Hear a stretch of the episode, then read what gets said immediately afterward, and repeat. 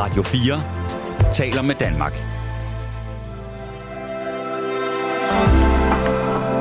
Velkommen til et sammendrag af Nettevagten.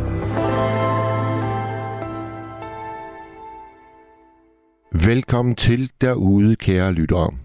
Nattens tema i al sin korthed. Jagten på det gode menneske. Findes det gode menneske? Kender du et godt menneske? Er du måske selv det gode menneske? Og hvad vil det egentlig sige at være et godt menneske? Det er faktisk de øh, store spørgsmål, nærmest øh, halvfilosofiske spørgsmål, vi kaster ud i æderen her i nat fra studiestredet. Med mig der har jeg Gabriel Blackman, han er nu kommet ind til mig. Gabriel, hvordan vurderer du egentlig det der med at være et godt menneske? Hvilke egenskaber kræver det for, at man kan tage den titel på sig? Øhm, det er jo meget udefinerbart. Ja, Ja. det er det. I mine øjne er det øhm, det med at sætte sig selv ved siden af, eller sætte sig selv, øh, sætte andre foran sig selv, er, øh, er, en, er en virkelig vigtig egenskab. Og en egenskab, som jeg tror, man i princippet faktisk først lærer, når man får nogle børn. Ja, Øhm, og det er ikke, fordi jeg så insuerer, at jeg er et, et, et dårligt menneske, fordi jeg ikke har nogen børn. Men jeg tror, jagten efter at blive et, et, et godt menneske, bliver aldrig fuldført, tror jeg. det er, det er en evighedsjagt. Det tror jeg. Jeg tror, det er vigtigt for en selv altid at bestræbe efter at, at blive et bedre menneske. Jeg tror aldrig, man kan være et perfekt menneske. Øhm, men jeg ved ikke, hvornår, hvor grænsen går til at være et, et middel mod et menneske til at være et godt menneske. Hvis nu jeg spørger dig, du kan vælge på alle hylder, både Mhm. i, i den store hvide øh, verden, men du kan også tage i, i familien eller i venskabskredsen. Hvem er et godt menneske, som du kender? Wow, jeg har, jeg har, jeg har virkelig mange gode mennesker omkring mig. Jeg tror faktisk udelukkende, at jeg har gode mennesker omkring mig. Øhm, heldigvis. Ja. Ja, jeg, jeg beæret over, at jeg kender de mennesker. Øhm, vi snakker min søskende, min mor og min far og mine bedsteforældre. Øhm, Men kan man sige om alle dem, du lige har nævnt der, at Mhm. de altid sætter andre foran dem selv? det synes jeg. Det kan man. Det synes jeg.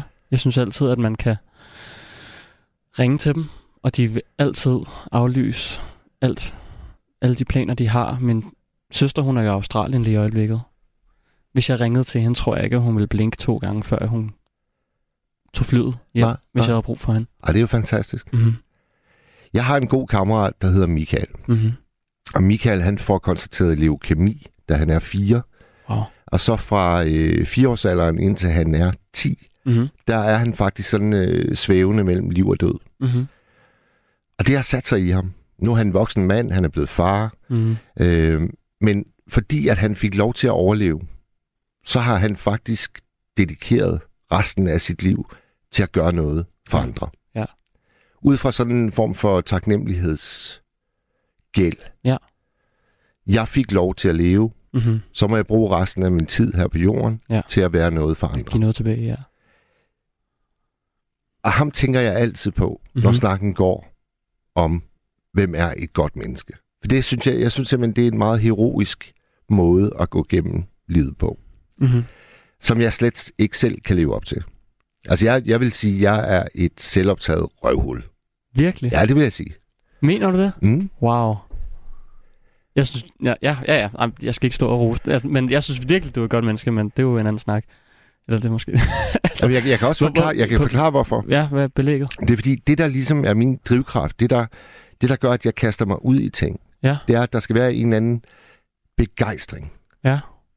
Og, og, og det synes jeg er ret, ret sådan selvoptaget, at der skal være begejstring til stede, for at jeg virkelig kaster mig ud i noget. Ja. Ja, altså jeg tror, Så jeg, jeg, gør, tror jeg, gør folk det, som... jeg, altså jeg gør det jo ikke, Gabriel, øh, for at, at ligesom øh, komme nogen til undsætning. Ligesom Nej. det eksempel, du lige gav. Øh, du ringer, og hun er i Australien. Hun sætter sig på et fly med det samme. Ja. Altså, øh, jeg, jeg, jeg søger derhen, hvor jeg oplever en eller anden form for øh, begejstring eller inspiration. Og det er jo egentlig ret egoistisk. Mm, det er jo også i hvilken grad. Altså er det så, er det så, så er det så din, din, din, din karriere, er det det, du tænker på? Ja, la, la, faktisk, det gælder sgu alle planer. Okay. Tager du, tager du herover af sådan ren... Det er jo ikke egoistisk, at du tager herover på arbejde. Jamen, Du bor- begej- du bor ikke da engang på Sjælland. jeg er da Du elsker at snakke med mennesker. vildt begejstret for at snakke med mennesker. Ja, præcis. Altså det her program, det, det, det, altså jeg kunne ikke have skabt det bedre selv, altså efter Nej. mine egne ønsker. Jeg synes, det er et suverænt program. Er det fordi, at det giver dig noget, eller Ja. ja. du også føler, at det kan give dem noget måske? Jeg, det, jeg tror, det går øh, begge veje. Men jeg er ikke et sekund i tvivl om, at det giver mig noget. Nej. Altså hver eneste gang, jeg er på vej herover, så glæder jeg mig til at stå lige her, hvor vi står nu. Det tror jeg også, at din ven han gør. Han, det, han er begejstret over at hjælpe andre, så får han noget. Så, altså, der er jo ikke nogen... Øhm, hvad fanden er det, det hedder? Øhm, der er ikke noget, man gør sådan fuldstændig uselvisk. Nå, se, nu nærmer vi os hinanden. Ja, det tror jeg ikke på. Nej. Der er ikke en, en, sådan en uselvisk handling, eller sådan, kan du komme på en fuldstændig uselvisk handling? Nej, men det er jo tit det, man ligesom øh, hiver frem, når man skal beskrive det gode menneske. Ja. Det er en, hvor alle handlinger kommer fra et uselvisk sted. Man Jamen, gør kun selvfølgelig, men- noget for at hjælpe andre. Og det, og det, det er jeg helt med på. Men følelsen efter det der med, at man måske har hjulpet vedkommende. Hvis du har det skidt efter, er du så et godt menneske, eller altså sådan, er, du, er du et dårligt menneske, hvis du har det godt, fordi du har hjulpet vedkommende? Er man så et dårligere menneske, fordi at... Nej, men der er så nogen, der er så nogen, sådan nogle virkelig skeptikere, de vil jo så Mhm. hæve det, at så er det sådan en falsk form for godhed. Okay, Hvis den kun ligesom er til stede, når man selv får noget fedt ud af det. Ja. Jeg tror, mange de kigger på det der med godhed som om, at det skal være noget, der kun går en vej. Altså noget, man, man rækker ud fra sig selv, og så forærer man det til nogle andre. Det Ja. kan være ens tid, det kan være ens øh, ekspertise, det kan være ens whatever. Men man, altså hvis det skal være rigtigt i skeptikernes øjne, Mhm. mm-hmm. den rette, rigtige, sande godhed, så skal man ikke få noget igen. Ja, det, det er meget interessant. Altså, jeg, jeg kom lige til at tænke på, at jeg, jeg har jeg donerer rigtig mange penge til forskellige fonde, og altså, jeg kunne bruge mine penge på noget meget mere selvisk. Men jeg får det godt af at give ud. Er jeg så et dårligt menneske? Nej, Er det, er det, er det nej. så dårligere, at jeg har det godt over, at jeg giver jeg bruger mine penge på andre, som ikke har nogen penge? Eller er det... Jamen, så er der så nogen, der vil sige, jamen grunden til, at du gør det, det er for, at du skal have en bedre samvittighed. Du skal. Ja. ligesom bedre kunne holde ud og se på al verdens uretfærdighed. Mm-hmm. Så donerer man noget, så får man lidt fred med sig selv, Mm-hmm. vil nogen sige. Mm-hmm. Jeg Men- tror ikke, jeg får det ikke, så, altså sådan, jeg, får, jeg ved ikke, om jeg får det sådan særligt godt over det, eller sådan, jeg tror mere bare, at der er nogen, der har brug for mere end mig. Ja. Altså, det har, du- har jo sikkert også doneret altså, penge til andre, altså, sådan, man, så tænker man, så kunne jeg lige have brugt dem på nogle bajere, eller eller andet. Altså, jeg er virkelig dårlig til at donere penge. Mm-hmm. Men det har den helt naturlige årsag, at jeg har stort set aldrig nogen. der er ikke nogen idiot. så, øh, så det er sgu en smal sag. Men Gabriel, jeg ved, øh, at det bliver en spændende nat, det her, fordi ja. Jeg kunne se, at jeg, jeg lavede emne ud på vores Facebook, og, mm-hmm. Mhm. og straks så begyndte folk at skændes om, hvad er egentlig Perfekt. et godt menneske. Ja. Så nu går vi på jagt efter det gode menneske. Mm-hmm. Er der nogen derude? Kender du en, kære lytter? Er der en i din øh, omgangskreds, du bare straks kommer til at tænke på? Så øh, ring ind til os og lav et portræt af vedkommende. Ja. Eller det kan være dig selv. Det kan være, at du simpelthen bare har et fuldstændig klart billede af, jeg er sgu et godt menneske. Nu Mhm. ringer jeg ind til nattevagten og fortæller om mig selv. Vi Mhm. vil elske det. Og Jens han har jo allerede skrevet, nu banner du altså ikke så meget i nat. Pænt sprog, tak. Det er jo en pæn radio, ikke? Og jeg ved faktisk godt, Jens, at jeg kom til at bande rigtig meget i går. Jeg ved ikke, hvad det var med mig.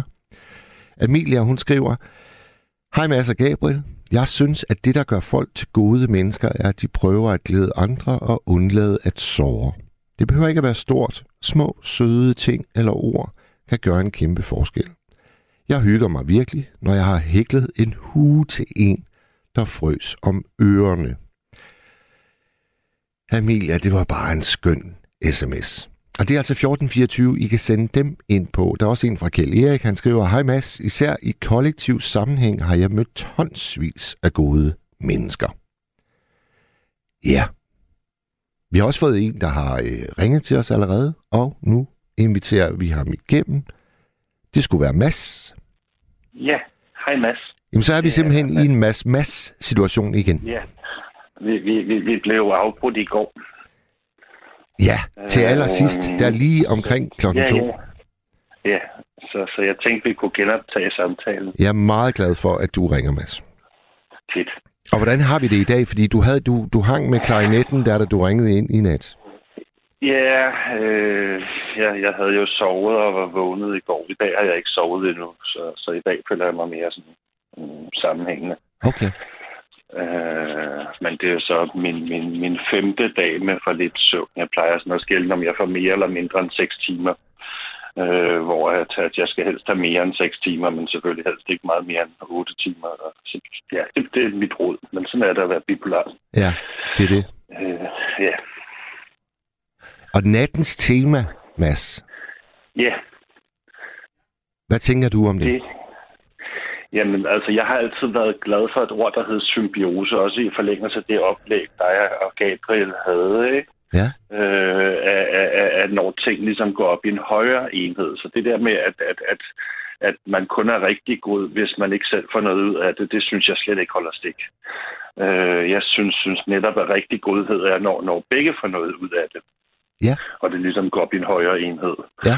Men, men, og jeg synes, altså som udgangspunkt, synes jeg, det handler om, at, at begge mennesker får noget ud af det. Men, men jeg synes jo egentlig også, det er godt at være god med sine katte eller sine planter. Eller, så jeg tror mere egentlig, jeg synes, det handler om, at man sådan får liv til at vokse på en eller anden måde, eller sådan bygger noget op. Eller som Amelia lige skrev i sin sms, jeg hygger mig virkelig, når jeg har hæklet en hue til en, der frøs om ørerne. Ja, præcis. Men, men, men der, der, der er det jo et andet menneske, der fryser om ørerne, tænker jeg. At det også er lidt det, hun tænker, som, som, som gør hende glad. Men også, at hun hygger sig selv ved at gøre det. Ja, ikke? det er jo det. Det er jo det. Der Ja. er både en Ja. ja. selvglæde, og så er der en Ja. ja. deling af en glæde, og så er der en klar modtager af en gave. Men, men jeg er jo glad for at snakke om min sygdom, og det er ikke, fordi jeg dyrker den som sådan, men fordi jeg ligesom har dedikeret mit liv til at aftabuisere psykisk sygdom. Så når jeg nu får lov til at snakke i radioen, så synes jeg, det er sjovt at snakke om det. Ja. Og, og jeg har lyst til at fortælle om, da min debut med psykisk sygdom, øhm, der var jeg 27 år gammel, og sad i et fly på vej hjem fra Ægypten. Øh, og der øh, oplevede jeg, at jeg ligesom havde sådan en drømmeting, scenarie, åbenbaring, hvor jeg forhandlede med Gud og djævlen om dommedag. Og scenariet var, at enten skulle det fly, jeg fløj med, falde ned, og det vi starte dommedag, eller også skulle flyet komme hjem. Og, og, og så sad jeg ligesom sådan en tredje mand og forhandlede mellem de der to hoveder. Øh, og da jeg så vågnede fra den der drøm, så, så, så, så, så sad jeg jo ligesom bare og ventede på at se, om det her fly ville falde ned. Ja. Og det var jo mega øh, restløst og angstprovokerende. Øh, så jeg, jeg, jeg begyndte sådan at bladre i den der forlomme, hvor jeg fandt indlægssedlen i tilfælde af flystyrt. Ja. Og, og jeg synes midt i min psykosetilstand, at det var det mest geniale, jeg havde set. Man skal tage sin egen iltmaske på, før man hjælper andre. Og jeg mener, at man er ikke et godt menneske, hvis man hjælper andre på bekostning af en selv. Hvis, hvis jeg giver mine børn deres iltmaske på for at være et godt menneske, og jeg så selv dør, så er mine børn jo barnløse eller forældreløse. Ja. Øh, så, så jeg skal passe på mig selv først og fremmest. Ikke for min skyld, så er jeg ikke et godt menneske, men for at jeg kan være der for andre mennesker. Men det er meget sjovt, Så- Mads, at, at du siger det, fordi John har lige sendt en sms, hvor han skriver, man kan ikke gøre noget for andre, hvis man ikke gør noget for sig selv først. Nej, præcis. Jeg er enig med John. Og, og, og, og, og, og, og, og jeg synes, jeg møder mange desværre mennesker, når jeg er rundt og holder foredrag, som, som, som offrer deres eget liv for at være der for deres pårørende. Og det gør mig ked af det på en eller anden måde, fordi at man skal passe på sig selv for at kunne være der for andre, og sådan 100 procent, ikke? Men Mads, er du ikke enig med mig i, at der er faktisk mange, der kigger på opoffrelse, selvopoffrelse, som nærmest øh, selve øh, billedet på at være et godt menneske? Jo, men, men men, men jeg, jeg synes, det er misforstået. Jeg tror, det er misforstået. Efter, efter min, min psykoseoplevelse med iltmasken, så synes jeg, at, at min livsindsigt er, at, at det er misforstået med selvopoffrelse. Jeg synes det, og, og man kan også sige, der er jo, altså, jeg, men jeg synes, der er en pointe i, at man tager iltmasken på for deres skyld på sig selv. Ikke? Ja, ja. Altså, at, at det, er jo, det, er jo, det, er jo, det, jeg synes, der er et eller andet magisk i det der, at, at det er der, det bliver symbiotisk af, at, at, man gør noget godt for andre ved at gøre noget godt for sig selv, og sådan, at det, det går op i en højere enhed. Ja, det, det er et svært, svært størrelse. Det er meget komplekst.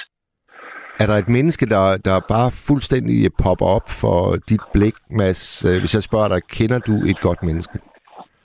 Jamen altså, jeg, jeg, da, da, da, da jeg var 18 år, flyttede jeg hjemmefra, og det gjorde min kammerat også. Og han, han, hans far var død, så han, han boede hos sin farmor.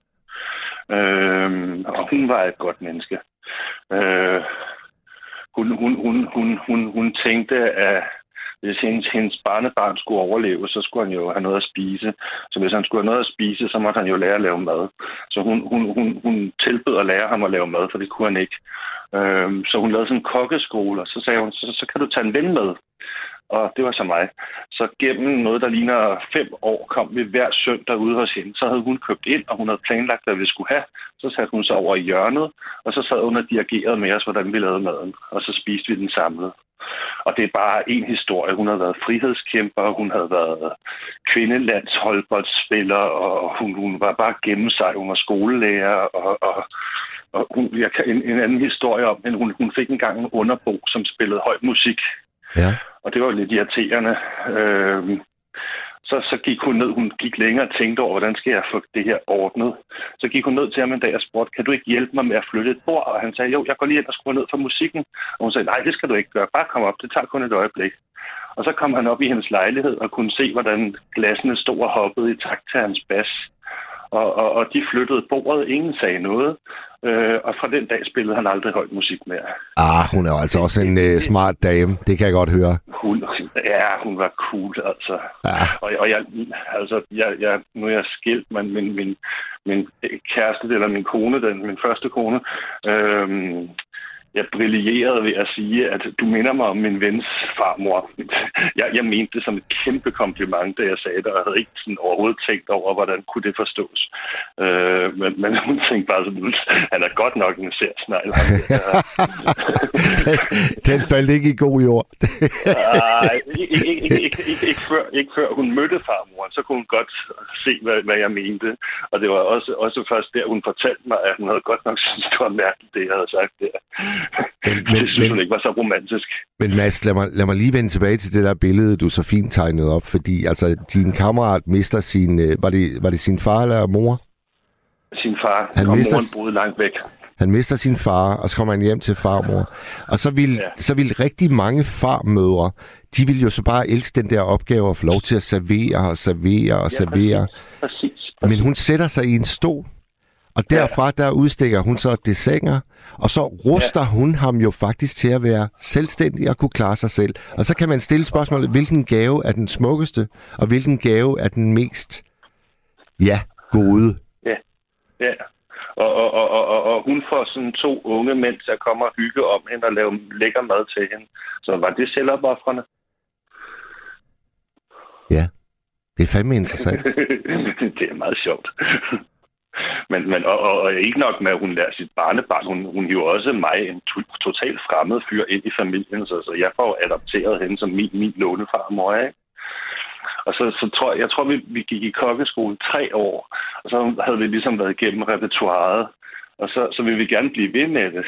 Øh, så så, så lavede, lavede vi kortklub i stedet. Ja. Øh, så, så det var sådan noget 5-7 år, hvor vi nærmest hver søndag kom ud til hende og, og, og, og, og, og i starten lavede mad, og bagefter var det hende, der lavede mad til os, og så sad vi og spillede, så kom hans fætter og kusine også. Og, og, og.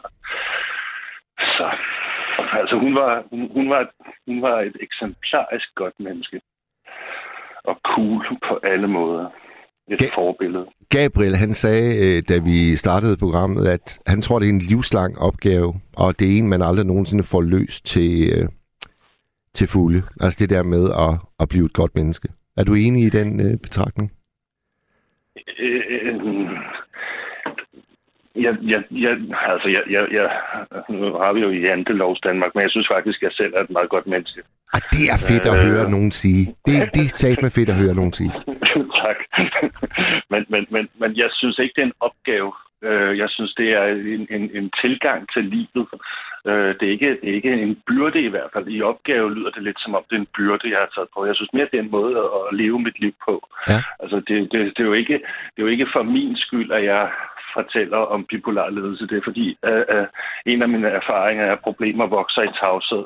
Og hvis at psykisk sygdom er tabuiseret, så, så, så kan man ikke tale om det. Så jeg håber, at folk bare vil tale om de her problemer. Der findes et afrikansk ordsprog, der hedder, at hvis at du deler et problem med en ven, så skal du kun bære halvdelen selv bagefter.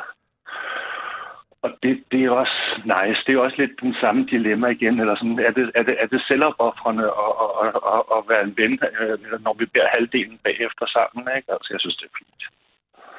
Og måske, måske, altså, nogle gange så kan jeg heller ikke lade være med at tænke på, at måske er det et tema, der egentlig er bedst ubehandlet, udebatteret. Altså et, mm. noget, hvor hver enkelt menneske bare får lov til at gå gennem tilværelsen, og så gøre sit bedste.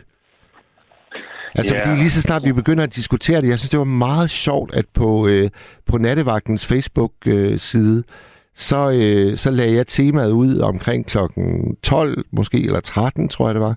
Og så allerede klokken 15, så var der sådan nogen, der var ved at skændes om, hvad er egentlig et godt menneske? Og så straks så gik der politik i den.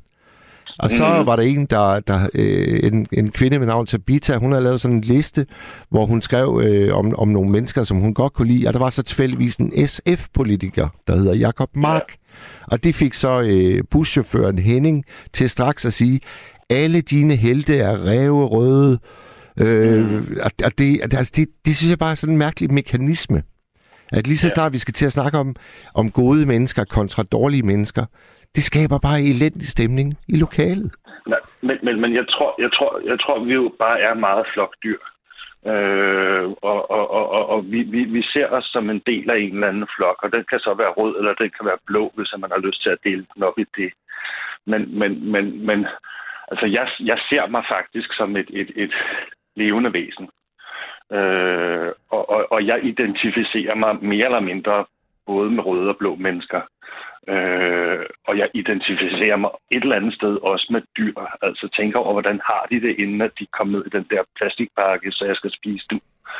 Øh, jeg er ikke vegetar, men, men, men jeg prøver at tænke over, at, at jeg vil gerne have, at liv har det godt, og liv vokser. Ja. Så, så jeg vil hellere identificere mig med et levende væsen, end med, med, med Socialdemokraterne, eller, eller Alternativet, eller Ja. Ja. Og, og, men, men jeg tror rigtig mange beslutninger i ens liv bliver truffet ud fra, hvordan, hvordan varetager jeg mine og mine floks interesser. Øh, øh, og, og ja.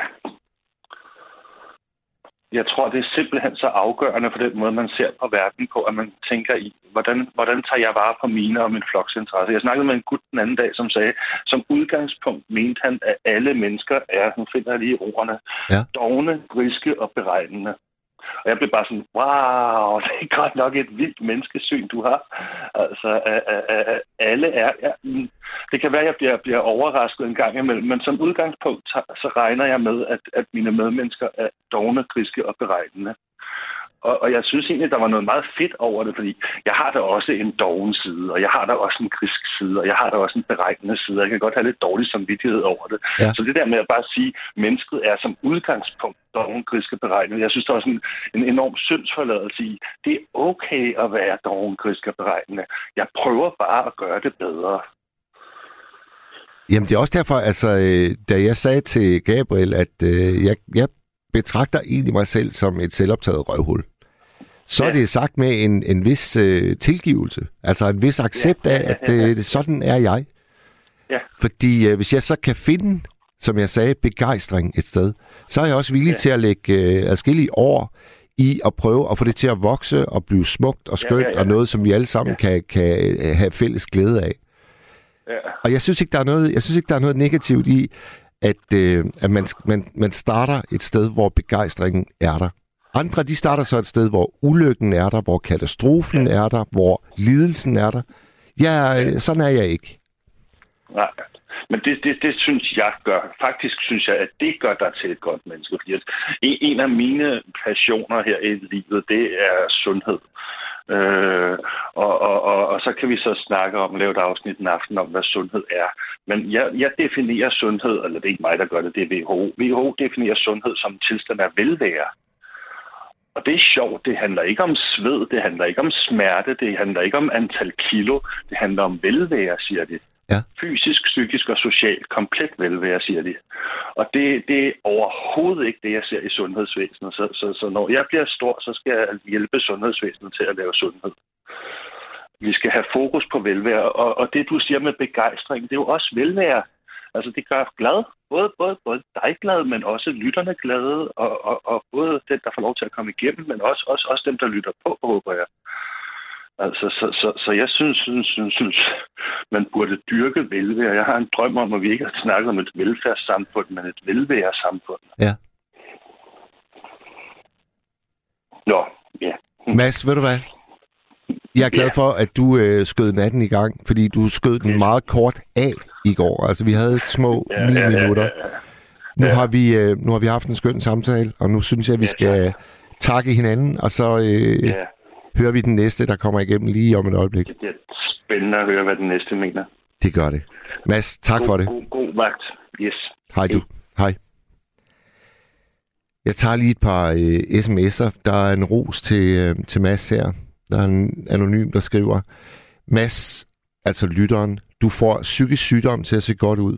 Det kan man ikke rigtig sige, men det er den følelse, jeg får, når jeg hører dig. Du er cool, original og reflekteret.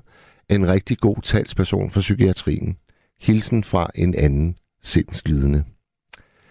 Så skriver Molly, min mand, han var et mega godt menneske, som var elsket af alt og alle, så jeg er meget ked af, at det i dag er 24 år siden han døde, mens jeg sad og holdt ham i hånden. Havde han levet, så kunne vi fejre vores 54 års bryllupsdag i onsdags. Med venlig hilsen, Molly. Molly, tanker til dig. Jeg forstår fuldstændig din sms. Så er der en anonym, der skriver, da den kendte kok Claus Meier havnede i en depression efter hans New York-fiasko, blev vejen tilbage til livet at gøre noget godt for andre. Manden bag positiv psykologi siger blandt andet, livet er så viseligt indrettet, at den, der hjælper andre selv, får det bedre. Sikkert derfor, der findes så mange frivillige i Danmark. Der er en, der har ringet til os. Hun hedder Mathilde. Hej. Hej. Velkommen. Tak. Hvor ringer du fra, Mathilde? Øh, jamen, vi har talt sammen før. Jeg ringer fra Holstebro-egnen. Nå, ja, vi har tit talt om Dansk Folkeparti. Ja, lige præcis. Ja. Hvordan, Det går øh, godt for os i øjeblikket. Ja, fordi du, du er jo ja, nærmest sådan engageret i Dansk Folkeparti. Er vi ikke enige? Jo, jeg er medlem af partiet. Ja, og jeg, jeg kan mærke, at I vejrer morgenluft, og jeg kan se, at Morten Messerschmidt, han er i fuld firespring og i godt humør. Ja, ja, nu har vi lige fået to nye vigtige folketingsmedlemmer, så det er dejligt. Ja, Mette Thiesen og ham fra... Mikkel Bjørn. Hvad hedder han? Mikkel Bjørn. Mikkel Bjørn, ja. Ja. Ja. Jamen, øh, så, så du er glad? Ja, jeg er godt tilfreds. Jeg synes, det er nogle gode mennesker, vi har fået ind. Ja. Nu når vi taler om gode mennesker. Ja, men øh, Mathilde, jeg vil rigtig gerne høre din definition på et godt menneske. Ja, altså først og fremmest, så har jeg jo altid, øh, hver gang jeg sådan siger til min far, at øh, hvis vi taler om en eller anden person, så siger, han, at han er kommunist, så siger min far, at så er han jo en af de gode. Så det er sådan noget, jeg har fået indprintet nærmest helt fra barns ben, det her med, at kommunister, det er gode mennesker. Og jeg kan også mærke, når jeg møder, møder kommunister i dag, så føler jeg sådan en større tryghed og tilknytning til dem lige med det samme, fordi det har jeg bare lært lige fra jeg var helt lille, at kommunister, de er gode og behagelige mennesker, der vil alle det godt. Nå. Altså, det tror jeg ikke, du kan få øh, Morten Messerschmidt til at, øh, at skrive under på. Nej, men øh, jeg, altså, jeg synes, jeg er heller ikke selv tilhænger af kommunisme overhovedet, men øh, jeg kan bare mærke, når jeg møder en kommunist, så føler jeg sådan en fascination, og jeg tror, det har noget med det at gøre, at det ligesom er det, jeg er blevet indprintet. Ja, altså det er jo ret, det er jo ret interessant. Eller det kan også være, at det er din øh, kærlighed til din far, der simpelthen bare slår igennem. Og så er det, uanset om du er enig i det, han måtte have sagt, så er der bare noget, der, der knytter hans ord til glade minder. Kan det være sådan noget? Ja, min far, han er jo også selv kommunist, så øh, det spiller helt sikkert ind. Er han stadigvæk i live, din far? Det er han, ja. Hvad, øh, har I ikke tit politiske diskussioner så egentlig? hver dag. Vi taler telefon flere gange om dagen, og vi taler om politik i hvert fald Ja. hver dag. Ja, det kunne jeg forestille mig. Er, han, øh, er, er din far et godt menneske? Ja, det synes jeg. Øh, han er meget hjælpsom og sørger for, at alle har det godt, der har altid taget hånd om de svage og stået klar til at hjælpe dem. Ja. Altså lige nu, øh, nu, nu bliver det lidt øh, politisk, men der er en årsag til, at jeg gerne lige vil have det med. Der er de der hjælpepakker, øh, Mathilde, der er blevet delt ud i dag. Men der er Ja. et, et sted, hvor øh, der er så stor uenighed, at der har de simpelthen valgt at sparke det til hjørne. Og det drejer sig om de børnefamilier, hvor forældre måske har en anden baggrund end dansk. Der er der to partier, der har stillet sig på bagbenene, og det er, øh, eller stillet sig på hælene, og det er Dansk Folkeparti og så Danmarksdemokraterne. Og det er simpelthen fordi, at de, de vurderer, at det er øh, familier, der overvejende kommer fra muslimske lande. Og der ønsker de simpelthen ikke, at der skal gives støtte til de børnefamilier. Hvordan, hvordan, Ja. ser, du, hvordan ser du det?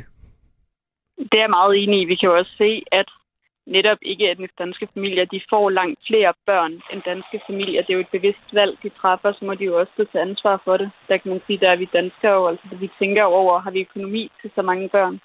Det jeg synes helt sikkert selv, man har et ansvar for, hvor mange børn man sætter i verden. Men hvad så med den familie, hvor der måske kun er to børn? De ryger jo under den samme kappe, kan man sige. Jamen grundlæggende så mener jeg, at øh, indvandrere de skal kunne klare sig selv, når de vælger at flytte hertil. I hvert fald efter de har fået en færre tid til at etablere et hjem i Danmark, hvis de er flygtninge. Men beskrev du ikke lige som en af din fars fortræffeligheder, at han var villig til at hjælpe alle? Jo, og det er også det, jeg er fascineret af ved ham. Jeg ville også selv ønske, at øh, det, det virkelig øh, tro det eller ej, men mine indvandrerkritiske holdninger, det er noget, der virkelig piner mig. Jeg vil ønske, at jeg så anderledes på det, men jeg, kan, jeg har svært ved at finde den berigelse, der er ved den massive indvandring for i Danmark. Ja, altså jeg, jeg har jo let ved at finde den. Ja, det, du er jo venligbror jo. Nej, jeg var, jeg var med til at starte det i sin tid. Det er mange år siden, jeg, jeg, jeg forlod det, men, men man kan sige, at jeg bevæger mig stadigvæk i det felt. Altså, jeg har rigtig meget med unge flygtninge at gøre. Og jeg synes jo altså, de er de vildeste, stærkeste, mest inspirerende mennesker, jeg nogensinde har mødt. Og det er der, begejstringen kommer ind i billedet igen. Ja, altså nu, øh, nu bliver jeg jo ringet op her til på baggrund af en sms, jeg sendte, og der fremhævede jeg også det her med, at jeg synes jo, gode mennesker, det er dem, der kan tolerere og rumme alle andre mennesker. Ja. Og det prøver jeg så vidt som muligt også til at kunne. Jeg har en stor venne- og bekendtskabskreds, der består af alle mulige forskellige grupper mennesker, nynazister, Jehovas vidner og kriminelle. Altså jeg prøver så vidt som muligt at kunne tale med alle og have et positivt syn på alle mennesker. Hvor mange flygtninge kender du? Øh, jamen, altså, nu bor jeg jo her i Vestjylland. Det er jo ikke lige her, vi har flest af dem, men øh, jeg gik i klasse med tre flygtninge. Og lærte du dem sådan grundigt at kende, eller var, blev det bare sådan lidt på afstand? Altså, som barn var jeg bedste venner med to af dem. Og hvor kom de fra? Den ene kom fra Irak, og den anden fra Bosnien.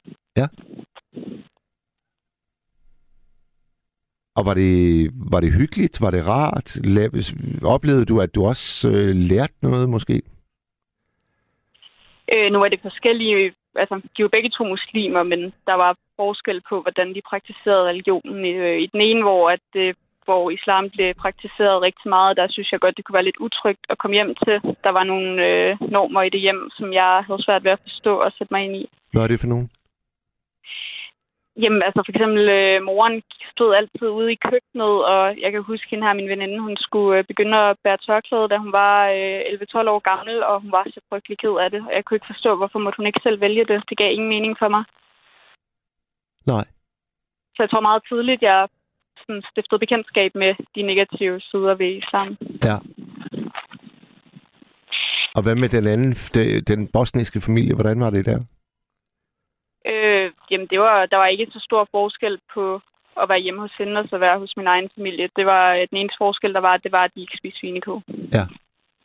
Så de praktiserede også islam, men måske i en meget mild variant. Ja, hun blev heller ikke konfirmeret og sådan noget, men det var ikke, hun gik ikke med tørklæder, der var ikke de her tydeligt skældsættende forskelle.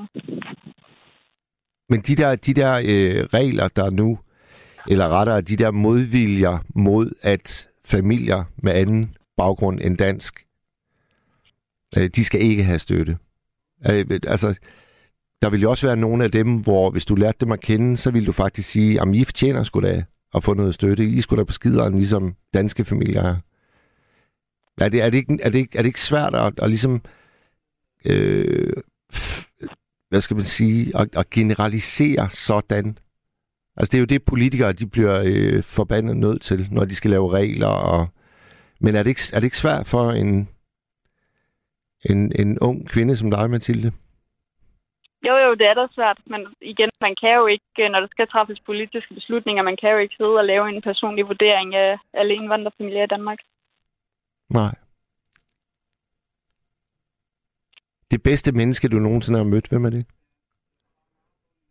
Øh, og det er svært. Altså, jeg har en stor kærlighed til min far, som jeg bruger meget tid på, så det er jo nok ham. Men øh, jeg vil sige, et menneske, som virkelig også har vist sine gode sider her, øh, det er en øh, person, øh, jeg har kendt igennem et par år efterhånden, som øh, han lever i en overvisning om, at vaccinerne de er gift for kroppen. De er skabt af World Economic Forum og Mette Frederiksen og dronning Margrethe for at slå danskerne ihjel, fordi at eliten de vil udrydde alle undermålerne. Så der er gift i de her vacciner, og det er noget, alle, der har taget vaccinen, de kommer til at dø af.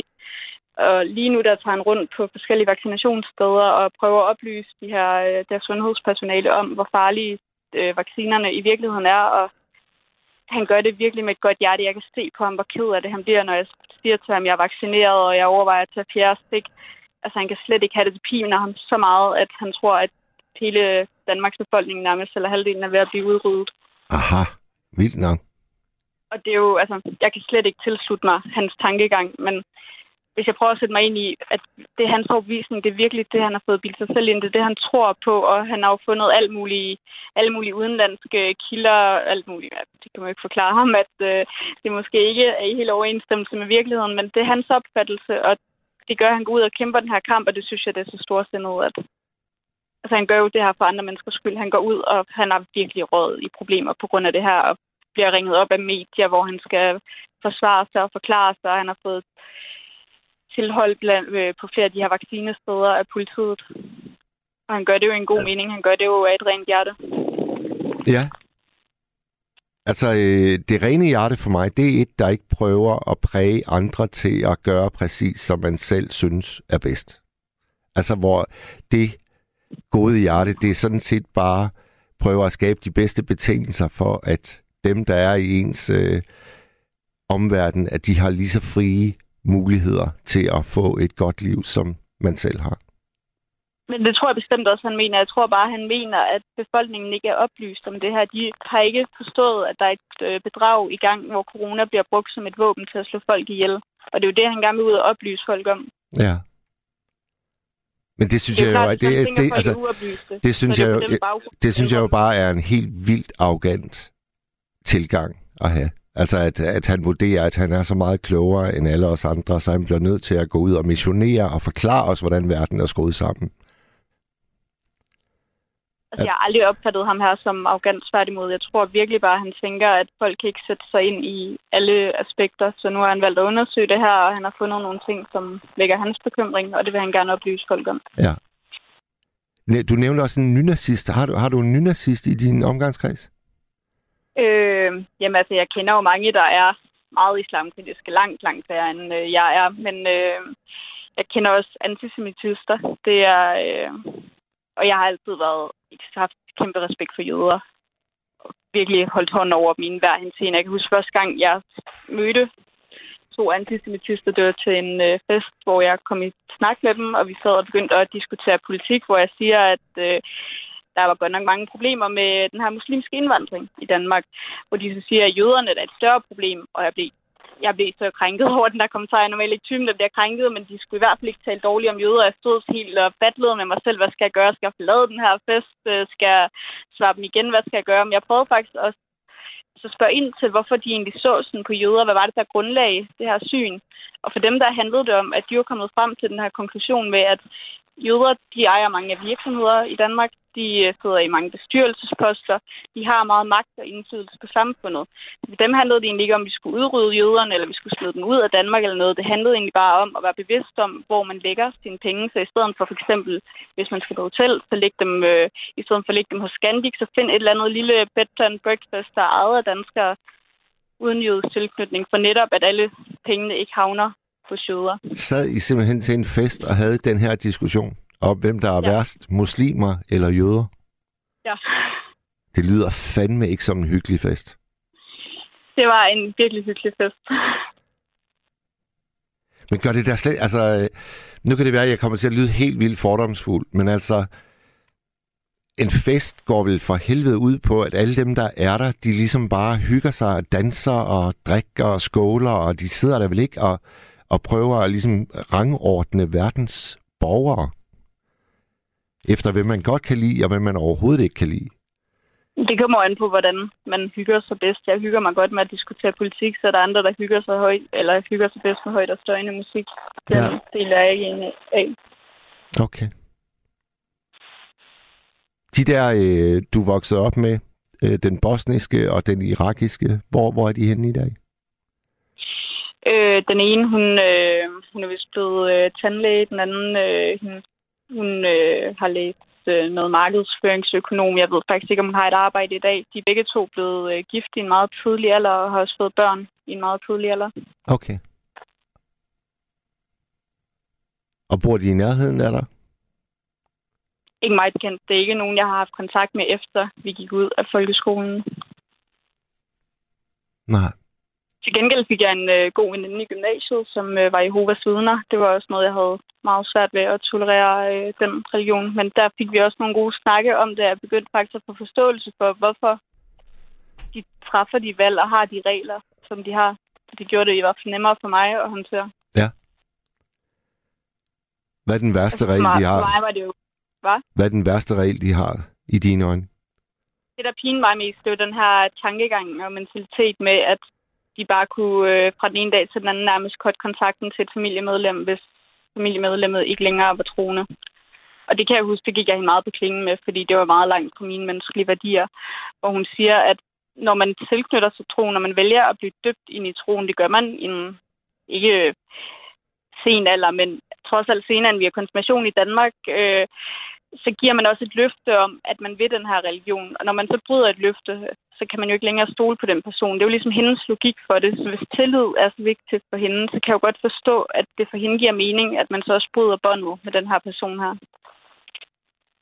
Ja. Mathilde, tænker du tit over, om, om, om du er et godt menneske? Øh, ja, altså jeg tror nok, jeg er meget egoistisk på mange punkter, så sådan vil jeg nok ikke beskrive mig selv. Ja, det, var også det, det er også det, jeg, jeg vurderer, at jeg er. Så der, der det var meget sjovt. Der... Jeg, sad, øh, jeg sad her forleden og talte om, øh, der var kommet alle de her retningslinjer og betingelser for, hvornår noget er psykisk vold, efter det blev vedtaget, at psykisk vold, eller psykisk vold også er ulovligt. Og det er egentlig utroligt, når man begynder at kigge på de her betingelser, der skal være opfyldt, hvor mange af dem man egentlig på et eller andet tidspunkt kommer til at opfylde i sit liv over for en partner.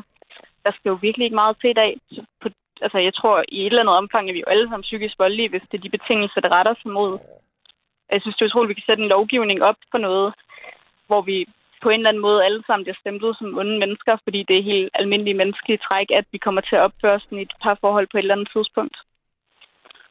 Ja, der er en lytter, der, der lige har øh, skrevet, øh, spørg lige Mathilde, om hun har fået arbejde som lærer. Øh, nej, jeg har faktisk heller ikke søgt lærerjobs. Øh, jeg arbejder med lidt forskellige ting. Jeg arbejdede som tjener i en øh, lang periode, indtil de lukkede ned her. Øh, restauranten lukkede, så har jeg prøvet øh, bartenderjobs af, så jeg er ude og prøve sådan lidt forskellige ting, for lige at finde ud af, hvad jeg egentlig vil. Men øh, jeg er ja. glad for, at folk kan huske, at øh, jeg har taget læreruddannelsen. Ja, Jamen, det kan, det, det, det, nu kan jeg, kommer jeg også lige i tanke om, jeg tror også, vi har snakket Mohammed-tegninger, du og jeg engang. Ja, det skal ja. nok passe. Men, men Mathilde, når jeg sådan tænker tilbage øh, på de snakke, vi, vi har haft, så, øh, så synes jeg jo faktisk altid, vi har været i stand til at, øh, og tale fint med hinanden. Altså, vi er virkelig, virkelig, virkelig uenige på det politiske. Altså, jeg, jeg, når, når, når du fortæller... Øh, så, så, så, er det, så, så står jeg over i et, nærmest et helt andet land. Sådan føler jeg det. Men, men vi har bare altid været gode til at snakke alligevel.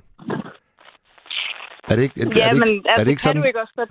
Jeg tror, at du er typen, der kan snakke med alle, og du virker også... Øh, nu håber jeg ikke, jeg kommer til at fornærme dig, men du virker meget pleasende, når du sidder herinde som en, der måske ikke taler dine lytter efter munden, men du sådan du er nogle gange lidt overhøflig, synes jeg. Øh, hvor en som Nima, altså han kan sgu godt sparke igen og provokere. Hold kæft, jeg har haft mange konflikter med Nima før i tiden. Øh, men vi har altid sluttet samtalen af på en god måde, og jeg kan mærke, at der er en sådan, gensidig respekt mellem os. Uanset hvor grimt og hårdt vi kan tale til hinanden, så har vi en fin samtale igen næste gang. Altså der kunne jeg faktisk godt ønske mig, at du var lidt mere hård og kontant. Jamen, jeg kan bare ikke rigtig se, hvad, hvad verden skal bruge det til. Altså, øh, jeg, jeg synes aldrig, det kunne, det kunne være spændende, hvis jeg prøvede at overbevise dig om, at jeg politisk har ret. Altså, jeg synes, det vil være så himmelråbende uinteressant. Det, jeg synes, der er spændende, det er jo at prøve at lære dig så godt at kende, at jeg bedre forstår, hvorfor du har de synspunkter, du har. Så i stedet for at sidde i en ordkrig, og vi skal duellere, ligesom i tv-debatter og sådan noget, så vil jeg langt hellere prøve helt stille og roligt at finde ud af, hvordan fanden har du fået det ståsted, du har? Du har en far, der er kommunist, og ham elsker du. Og hvis der er noget, som virkelig, virkelig, virkelig er langt væk fra Dansk Folkeparti, i mine øjne, og nye borgerlige, i den grad også, jamen så er det jo kommunismen. Altså, det er, jeg, jeg synes, det er meget fascinerende. Jeg tror også, jeg synes jo ikke, at Dansk Folkeparti er ekstrem på nogen måde. Og der har jeg sådan lidt, jeg fornemmer lidt, at din generation måske også ser skarpere til Dansk Folkeparti, end min generation gør. Måske fordi I har det her blik af, at det er noget, der udspringer af Måns Glistrup. Jeg synes også, at Måns Glistrup var ekstrem, alt for ekstrem som mig. Men det er jo ikke det Dansk Folkeparti, vi ser i dag. Altså, jeg synes jo ikke, at jeg er ekstrem i mine holdninger. Jeg er indvandrerkritisk på mange områder, men jeg kan også godt tolerere, at de er i vores samfund, og de skal have lov til at være her. De har selv lukket dem ind. Og du er, vil ikke være mere korrekt at sige, at du er islamkritisk? Det vil jeg faktisk ikke sige. Øh, altså, der er der mange kritikpunkter ved islam, men jeg synes egentlig ikke, at islam er værre end så mange andre religioner. Men der er meget ved den mellemøstlige kultur, øh, som jeg ikke bryder mig om. 40 procent øh, af verdens flygtninge, de kommer fra Eritrea, som er et øh, kristent land. Hvad, hvad, med, hvad med flygtninge fra Eritrea så? Nu har jeg ikke en stor geografisk indsigt, så jeg ved ikke, hvem der er fra Eritrea og hvem der er fra. Ja, de er fra Afrika. Øh... Det er et afrikansk land. Okay. De har en meget slem diktator. Så der er rigtig, rigtig mange, der flygter fra det land. Skal de så behandles på samme måde som dem, der kommer fra Mellemøsten, eller er det lige meget? Samme hårde behandling? Det kommer an på deres adfærd, og altså, det jeg altid godt har kunne lide ved jøder, det har været det her med, at de gør ikke noget væsen. Altså, de er ikke nogen, der man lægger mærke til i samfundet. De er ikke øh, overrepræsenteret i kriminalstatistikker eller andre uhensigtsmæssige statistikker. De er stille og rolige og fredelige, og de fleste af dem er godt velintegrerede. Jamen, det, jeg synes bare, det er enormt... Altså, de gør ikke noget væsen af sig, som om, at det skulle være noget positivt. Altså, vi skal da, vi skal da mennesker frem på, på banen for fanden. Vi skal se, hvad folk har at byde på. Vi skal, vi skal lære af dem. Vi skal danse med dem. Vi skal have dem frem over stepperne. Det skal da ikke være et kvalitetsstempel, at de, de, de gør ikke noget væsen af sig. Synes du ikke, det lyder skørt, Mathilde, når du lige sådan tænker efter? Nej, det synes jeg ikke. Jeg synes, øh, altså jeg har selv meget ind for taknemmelighed og ydmyghed. Og hvis jeg var vokset op i et land, hvor mine forældre de ikke var født, og hvor de var flygtet til, så ville jeg da være så taknemmelig for, at de havde fået mig ind i det her land, og det her land, de havde taget sig så godt af os. Men så tror jeg, at du skal tage... Jeg, jeg så tror jeg virkelig, du... mangler den der ydmyghed. Så tror jeg virkelig, du skal, du skal tage dig godt imod alle dem, der kommer fra Eritrea, fordi de er, er saftsus med ydmyge og stille. Og det eneste, de beder om, det er sådan set bare fred til at, at bede. Jamen så tror jeg heller ikke, jeg vil have noget problem med deres kultur. Men det er også det der igen, altså hvad definerer indvandrere? Fordi nu havde vi en, øh, jeg gik på læreruddannelsen, der studerede jeg sammen med en fra Færøerne. Ja. Og der var en, der sagde, øh, der sad de øh, vi, i samfundsfag og diskuterede, hvad danskhed var. Så der er en af vores klassekammerater, der siger til ham, at øh, han bliver aldrig dansk. Og i min verden, der var han dansk. Han er mere dansk, end jeg, end jeg er. Han taler lige så godt dansk, som jeg gør. Han har en større indsigt i dansk kultur og dansk historie, end jeg har. Det var helt absurd for mig, at han ikke skulle være dansk. Men en som ham er der også folk, der ser som indvandrer, så det er svært det her skæld med, altså hvorfor er han dansk i mine øjne, når en fra Irak ikke er dansk i mine øjne. Det, det er også noget, jeg selv kæmper meget med at finde den der forståelse for, hvordan jeg kan gøre mig til dommer over, hvem der er dansker og hvem der ikke er. Ja. Synes du egentlig, at integration er noget, der skal gå begge veje? Eller er det kun dem, der kommer hertil, der ligesom skal tilpasse sig? Jeg går ikke ind for integration, jeg går ind for assimilation. Og hvad er forskellen i dine ører? Jamen, jeg synes, altså, det er bare, det, man kan sige, det er måske mængden af integration. Det her, altså, de fuldt ud overgiver sig til vores land, lever efter vores levemåde, ikke bare tilpasser sig på nogle enkelte områder, men at de virkelig tager den danske kultur til sig og lever, som de gør her. Okay. Mathilde, tak fordi, at du, øh, du ringede ind. Ja, velbekomme. Og jeg skal, jeg skal se om... Øh, jeg, jeg tror, jeg vil, det, det er meget sjældent, at, at der er folk, der kommer igennem, som har gode råd til, hvordan jeg kan blive en bedre nattevagt. Det vil jeg godt sige tak for. Og så vil jeg love dig, at jeg, jeg vil overveje de ord, du sagde. Men jeg tvivler sgu på, at jeg kommer til at give dig ret. For jeg vil, jeg... ting med det der med at blive en bedre nattevagt. Hvad for noget? Øh, lige en sidste ting med hensyn til det der med at blive en bedre nattevagt. Ja, altså, ja. Du er jo, det tænker jeg også, du selv er meget bevidst om, du har den her overhøflighed på mange punkter, og nu læste jeg lige uh, Stine Pilgaards bog, Meter i sekundet, den her bestsellerbog, der også er blevet filmatiseret, hvor hun netop påpeger det her med, at der er en frygt for den her høflighed, fordi hvad gemmer sig egentlig bag? Man ved, man kommer aldrig bag det rigtige menneske, hvis der er en eller anden facade af ydre overhøflighed. Altså, man vil jo gerne ind og finde ud af, hvad er det for et menneske, der virkelig gemmer sig bag. Det kan man ikke, hvis der er sådan en høflig facade udad til. Aha. Det, det tror jeg, det er også vigtigt for dig at tænke over, at altså, vi lytter vil jo også gerne lære dig at kende. Vi vil jo ikke bare møde den her høflige søde masse, der kan rumme og tolerere alle mennesker. Nej, men, men det jeg straks kommer til at tænke på, det er, at er det ikke lige nøjagtigt kæmpe tolerance og kæmpe rummelighed, vi har brug for, for at lære hinanden at kende? Så i stedet for, at jeg sad og blev forarvet over, at du har en nynazist i din omgangskreds, så spurgte jeg nysgerrigt ind til, hvor, hvor har du lært vedkommende at kende hende? Altså, øhm, det synes jeg, der er mere befordrende for, at vi i fællesskab får noget ud af det, frem for at jeg skal prøve at, at, at, at sidde og selektere, hvem jeg synes, du skal omgås, og hvem du ikke skal omgås, og hvem du skal stemme på, og hvem du ikke skal stemme på. Det finder jeg fuldstændig uinteressant. Jamen, det går godt, du har ret i det. Men så, så, så slutter vi der. Det er et godt sted at slutte. Ja. Vi er i tvivl om, hvem der har ret. Modtaget. Mathilde, kan du have en god nat? Ja, tak. I lige måde. Hej du. Hej, hej.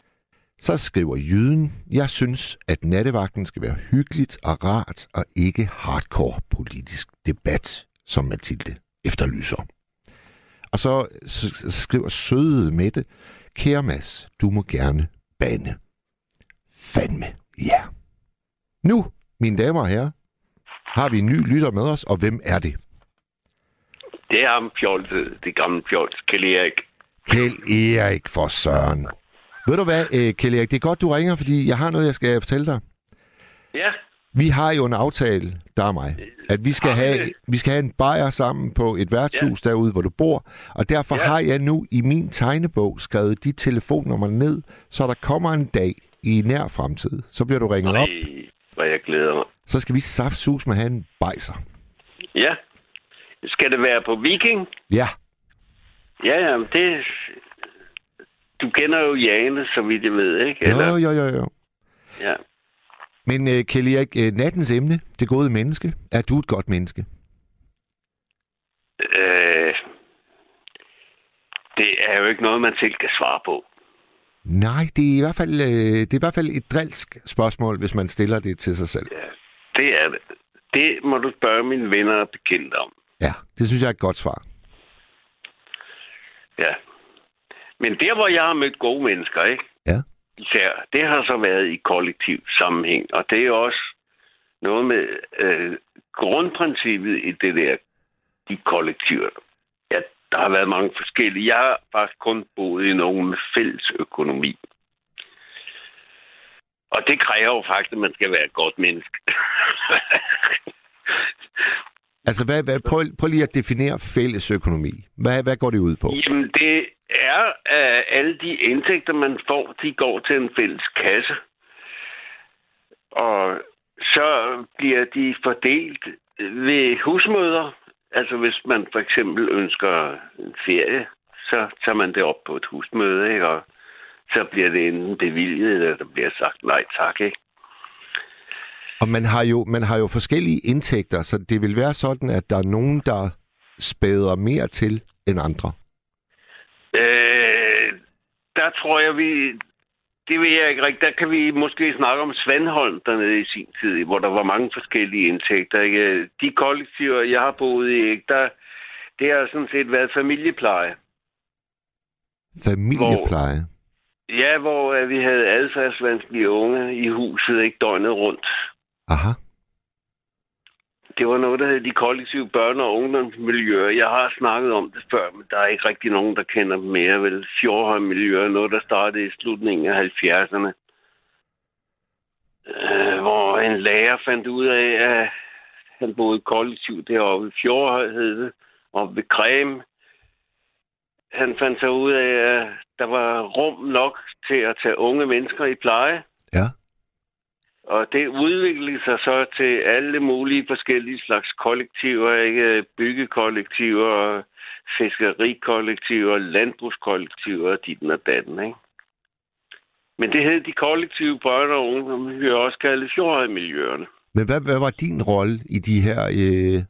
Ja, jeg var en af de gamle, ikke? Og så var der de unge, det var dem, vi havde i pleje, og så var der vores børn. Ikke? Jeg var ene med min søn, det var især derfor, jeg flyttede i kollektiv, for at han skulle få noget kvindeligt samvær. Aha. Og der mødte du gode mennesker. Det skal jeg da love for. Og hvordan de... Prøv at beskrive nogle af dem. Er de mennesker, jeg mødte? Ja, et særligt godt menneske, du mødte i det miljø. Ja, der er en, der for nylig har ringet til mig. Hun bor oppe i Thy nu. Ja, det var det sidste kollektiv, jeg var med i der på Glæsborg, Djursland. Hun var et godt menneske. Ja. Og er et godt menneske. Hun har ringet til mig, fordi hun faktisk havde hørt mig her i natradioen. Ikke? Ellers havde jeg ikke haft kontakt med hende siden uh, slutningen af 80'erne. Hold da kæft, det er mange år siden. Det er mange år siden, ja. Hvad gjorde hende særligt god dengang?